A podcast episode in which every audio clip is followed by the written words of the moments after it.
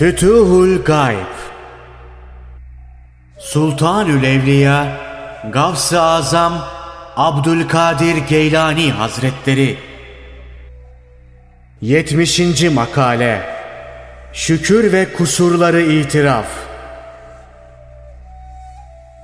Amelini görme. Onlarla böbürlenme. Bu hal sana yakışmıyor. Nefsi görmek Yapılan işlere karşılık beklemek iyi olmuyor. En iyisi bunları haktan görmektir.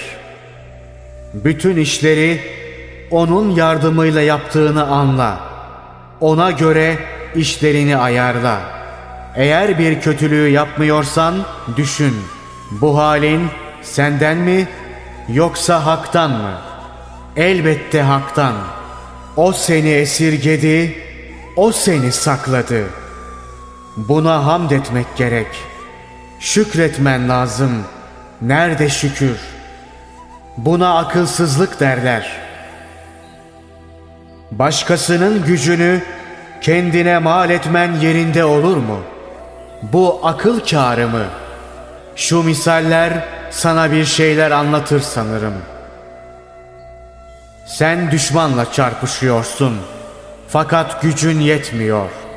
Öteden kuvvetli biri geliyor. Düşmanın elini bağlıyor. Yere seriyor. Sen de yapacağını yapıyorsun. Sonra her şeyi kendin yaptığını iddia ediyorsun.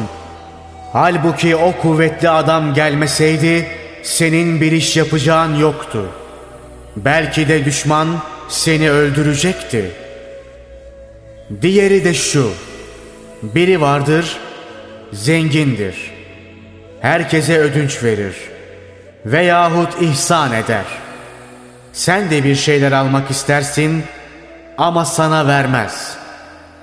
Öteden biri gelir, sana kefil olur ve alırsın.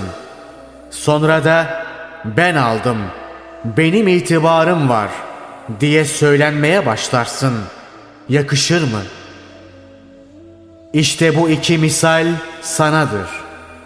İşlerini düzenle, şükret. Sana verilenle yetin. Daima Allah'ı öv, her iyiliği ona ver. Şer işleri sana yükle. Nefsini ıslaha çalış. Eğer birini kötüleyeceksen nefsin yeter. Çünkü bütün şerrin yuvası odur.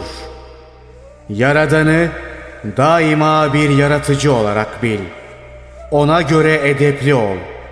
Nefsini kötülüğün yuvası gör. Ona göre terbiye et. Bazı büyük bilginler şöyle derler. Sana lazım olan gelir. Buna bir hadisi şerifte işaret edilir. Çalışınız. Birbirinize yaklaşınız.'' Kötü yolları kendinize kapayınız.